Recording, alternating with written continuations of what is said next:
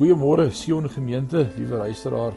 Heerlike voorreg om op hierdie Dinsdagoggend saam met jou te kan kuier rondom die woord van die Here aan die begin van hierdie dag. Ons is hierdie week besig om te deel met die vrug van die Gees, so wat ons dit vind in Galasiërs 5 vers 22 en 23. Ek wil vanoggend meer spesifiek met jou gesels rondom sagmoedigheid as vrug van die Gees. Sagmoedigheid is nie net 'n smile op jou gesig as jy ander mense groet of met hulle praat nie.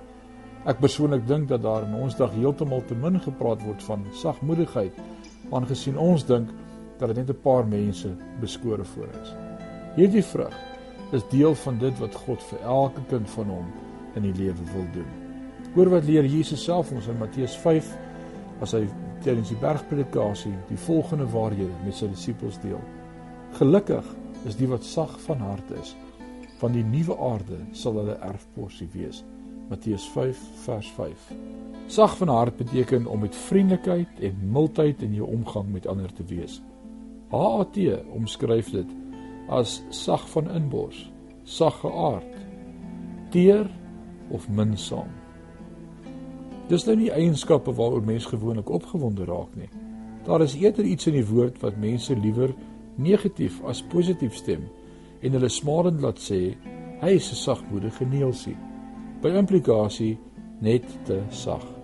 Byna pabroekig, ruggraatloos of lamsakkig. Mense van ons tyd dink sagmoedigheid betaal nie indien jy iewers in die lewe wil kom nie. Baie mense glo nice guys come second. Die credo van die meeste mense is ek wil iewers in die lewe kom. Hoe ek daar kom, maak nie jy saak nie.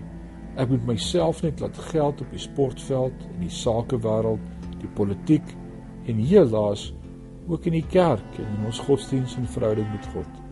Die wagwoord van ons dag is selfhandhawing. Kyk na jou selfbeeld. Hier geld die wet van die oerwoud.